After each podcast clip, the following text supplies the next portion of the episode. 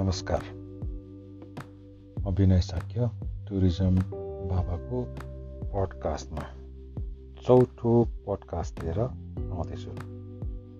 सुनेर साथ दिनुहोला।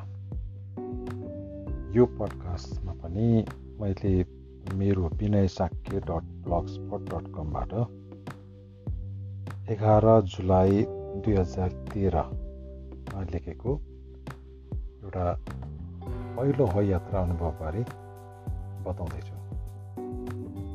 सुन्नु होला है साथ दिनुहोस् है।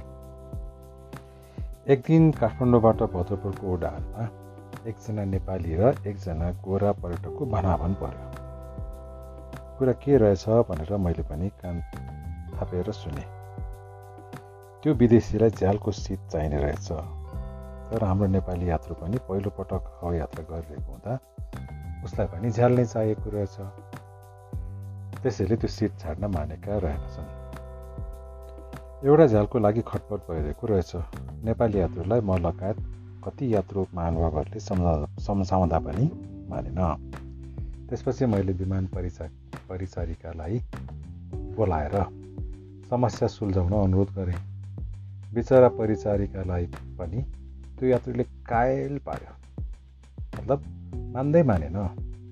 सिट छाड्दै छाडेन। त्यसपछि विमान परिचारिकाले एक विमान चालकलाई बोलाएर समस्या बतायो। जहाज आकाशमा उडिसकेको थियो। विमान चालकले त्यो नेपालीको कानमा छुस्स के कुरा मात्रै भन्न भनेको थियो त्यो त मैले सुन्न पाएन। तर त्यो नेपाली यात्रुले खुर्क ठाउँ छाडिदियो। विदेशी दङ्ग पर्दै झ्यालतिर बस्यो र उसले त्यहाँबाट दृश्यावलोकन गर्न थाल्यो। मलाई एकदम अचम्म लाग्यो यति धेरै यात्रुहरूले कैयौँ पटक सम्झाउँदा बुझाउँदा पनि ठाउँ नछाडेका नेपाली।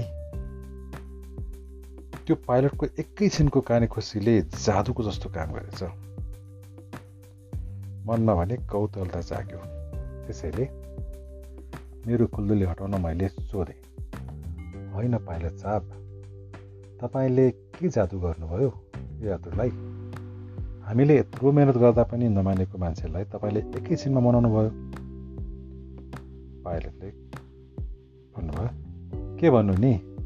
यो जहाज मैले चलाउँदैछु उडाउँदैछु।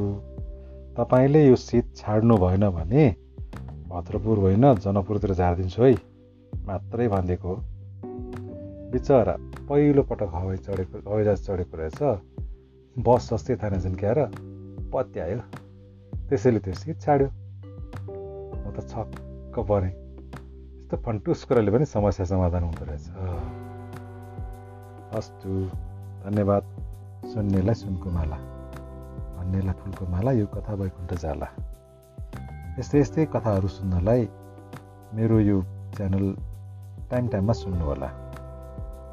धन्यवाद। नमस्ते।